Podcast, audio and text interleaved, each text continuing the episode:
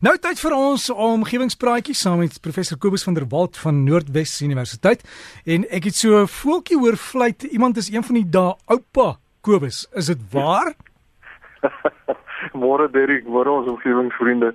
Ja jong dis nou wat daai tyd in 'n man se lewe en natuurlik in my vrou se lewe en die skoonouers se lewe. So ons almal sit met met groot verwagting. Uh dit dit dit sal ons eerste kleinkind wees en ek hoor by my vriende wat nou al oupa en ouma is dat dit is nou iets wat wat mense nie eintlik in woorde kan beskryf nie. So ons uh, ons sien baie uit na daardie tyd. Maar ja, kom ons kom terug vir die omgewing. Vanoggend begin ek met 'n navraag wat ek ontvang het van meneer Arius Wantenaar van Kenton Park. En hy skryf dat hy verlede jaar November 'n boorgat laat sink het, daar aan sy erf en op 50 meter diepte het hulle toe water gekry en hulle hulle toe nou nog so 8 meter dieper geboor en die dompelpomp is nou op 'n diepte van 55 meter aangebring. So dis so 5 meter onder die die die watervlak nou. Hy sê hy het egter 'n probleem want elke keer as hy nou water uit die boorgat uitpomp, dan verstop die tydreëlaar se siffie bot toe met mure. Hy sê selfs as hy die tydreëlaar heeltemal afhaal, dan verstop die tuinslang se spuitkop as dit nou fyn gestel is heeltemal van die mure. Hy sê hy het 'n vergrootglas gebruik om na die mure te kyk om te sien of daar enigiets snaaks is aan hulle, maar hy het geen duikbrille of suurstoftanks op die mure raak gesien nie en nou wonder hy hoe die mure dit regkry om 50 meter diep af te gaan en dan nog 5 meter diep onder die water in te duik om by die pomp uit te kom waar vandaan hulle dan nou uitgepomp word. Nou ja, baie dankie meneer Wantenaar vir u vraag en om u vraag te uh, met absolute sekerheid te beantwoord sal mens natuurlik nou die hele spulletjie moet gaan oopgrawe om te kyk wat presies daar aangaan. Maar as ek nou moet raai, dan dink ek uh, dat die boorgat in 'n area gesink is waar daar in alle geval 'n klompie muurneste voorkom of dan ten minste een groot muurnes. En mure kom op verskeie plekke op aarde in sogenaamde superkolonies voor. En in Japan is daar een so 'n superkolonie wat 'n geskatte 306 miljoen werkermure bevat terwyl 'n ander superkolonies in die suidelike dele van Europa miljarde werkermure bevat. In 2004 is daar in Australië een so 'n superkolonie ontdek wat 100 km in deursnee is. En die jongste vermoede is dat alle superkolonies eintlik na regte deel vorm van 'n globale ineengeskakelde megakolonie van mure.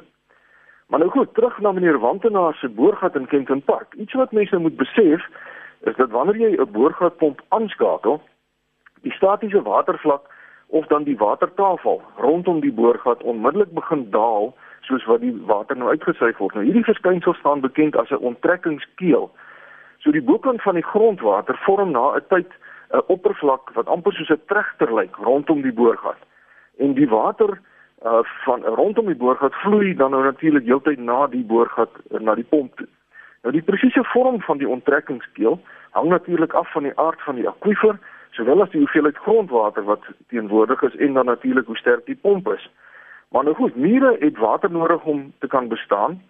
So ek vermoed uh, dat die mure dalk uh jy weet wanneer die water nou na die boorgat toe begin gesuig word, saam gespoel word of 'n ander uh moontlikheid is moontlik dat hulle van bo af in die pype kan inloop as daar ergens 'n opening is. Maar soos ek sê, mense sal nou basies die hele boorgat moet oopgrawe om presies te kan sê wat daar aan die gang is. Ehm um, ek kan ook nie regtig dink aan 'n oplossing vir die probleem nie.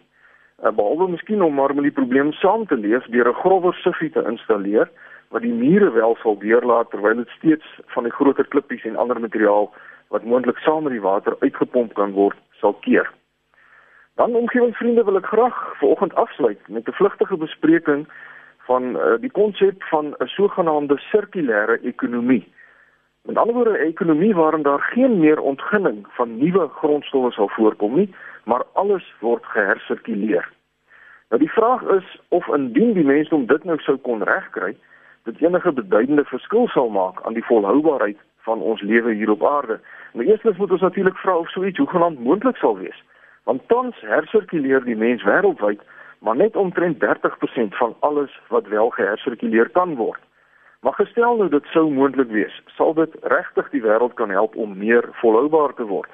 En 'n span navorsers aan die Tegniese Universiteit van Wene in Oostenryk is skepties hieroor want hulle het pas 'n studie gepubliseer waarin hulle nou bereken het dat 'n volkomme sirkulêre ekonomie elke mens op aarde se koolstofvoetspoor maar slegs met 1.6% sal verklein. Wat 'n druppel in die emmer is as gekyk word na wat regtig nodig is. Nou hierdie skeptiese siening word gesteun deur 'n navorser aan die Tegniese Universiteit van Delft, professor Nancy Bokken, wat meer as 90000 dokumente wat gepubliseer is deur die top 500 maatskappye in die wêreld geanaliseer het. En volgens haar het die globale korporatiewe wêreld vasgehak by verminder afval, hergebruik afval of hersirkuleer afval. Terwyl die meer belangrike um konsepte van herstelgebreekte produkte of opdateer uitgediende produkte vir alle praktiese doeleindes nie figureer in hierdie maatskappye se denke nie. Nou ons leef in 'n weggooi samelewing. Ons is so gewoond sien nou maar 'n rekenaar is 'n bietjie oud dan probeer ons hom nie opdateer of of of beter maak nie. Ons ons vervang hom gewoon. En sien nou maar 'n drukker, 'n rekenaar se drukker begin moeilikheid gee, dan gooi ons gewoonlik die ding weg en koop 'n nuwe een. En daar is sekere van die sosiale wetenskaplikes wat sê hierdie weggooi uh paradigma waarin ons leef, dan myself sien in in iets soos 'n huwelik. Want as jou vrou of jou man nou nie meer heeltemal werk soos daar aan die begin nie, dan werk ons nie aan ons huwelik nie. Ons probeer nie dit herstel nie. Ons vervang gewoon die man of die vrou met een wat dan nou doen aan jou wat aan jou vereistes voldoen. Maar goed, dis nou 'n ander saak daai. Nou hierdie klomp artikels wat uh, professor Bakken geanaliseer het, sowel as 23 ander artikels wat oor hierdie onderwerp handel, is onlangs gepubliseer in die Joernaal van Industriële Ekologie. En dit was duidelik dat die onnadenkende gebruik van die hersirkuleringsbegrip sonder om 'n holistiese analise daarvan te maak, heel moontlik teenproduktief is. Want aspekte soos vervoerkoste, materiaaleffektiwiteit en die verhoogde gebruik van gehersirkuleerde materiaal kan 'n maatskappy dalk goed laat lyk op papier, terwyl die maatskappy na regte eintlik minder volhoubaar is as wat hy sou gewees het as wat hy nie gehersirkuleer het nie. Nou die tweede belangrike gevolgtrekking was dat ons globale ekonomie eenvoudig te groot en te kompleks is dit is te alles is met mekaar verbind reg oor die wêreld. Uh en so 'n geslote sirkel-ekonomie sal nie kan werk solank ons hierdie super-ekonomie het nie, die globale ekonomie. Die ekonomie sal opgebreek moet word in kleiner, meer lokale en stadige siklusse voordat hersirkulering werklik 'n beduidende verskil sal maak aan klimaatsverandering. En hierdie feit rig natuurlik twee uitdagings. Die eerste aan elkeen van ons om minder produkte te gebruik, want dit is tog die bron van alles en dan tweedens aan ons ekonomie om die globale ekonomie te hervorm tot 'n stelsel wat volhoubaarheid as 'n ononderhandelbare eerste doel stel. Dan spog baie organisasies daarmee dat hulle iets goeds vir die omgewing doen deur te hersirkuleer en dit is ook so natuurlik moet ons dit doen. Maar die teendeel kan dalk waar wees en slim denke sal nodig wees om hierdie saak heeltemal reg te stel. En dit daarmee is my tydjie vir oggend om.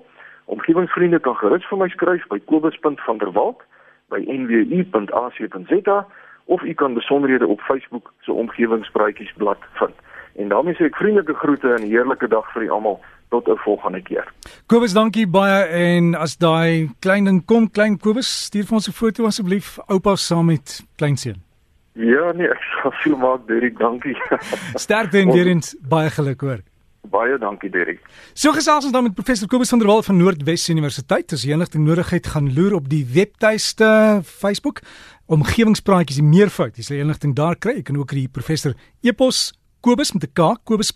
van der Walt by nwu.ac.za. Kobus.van der Walt by nwu.ac.za.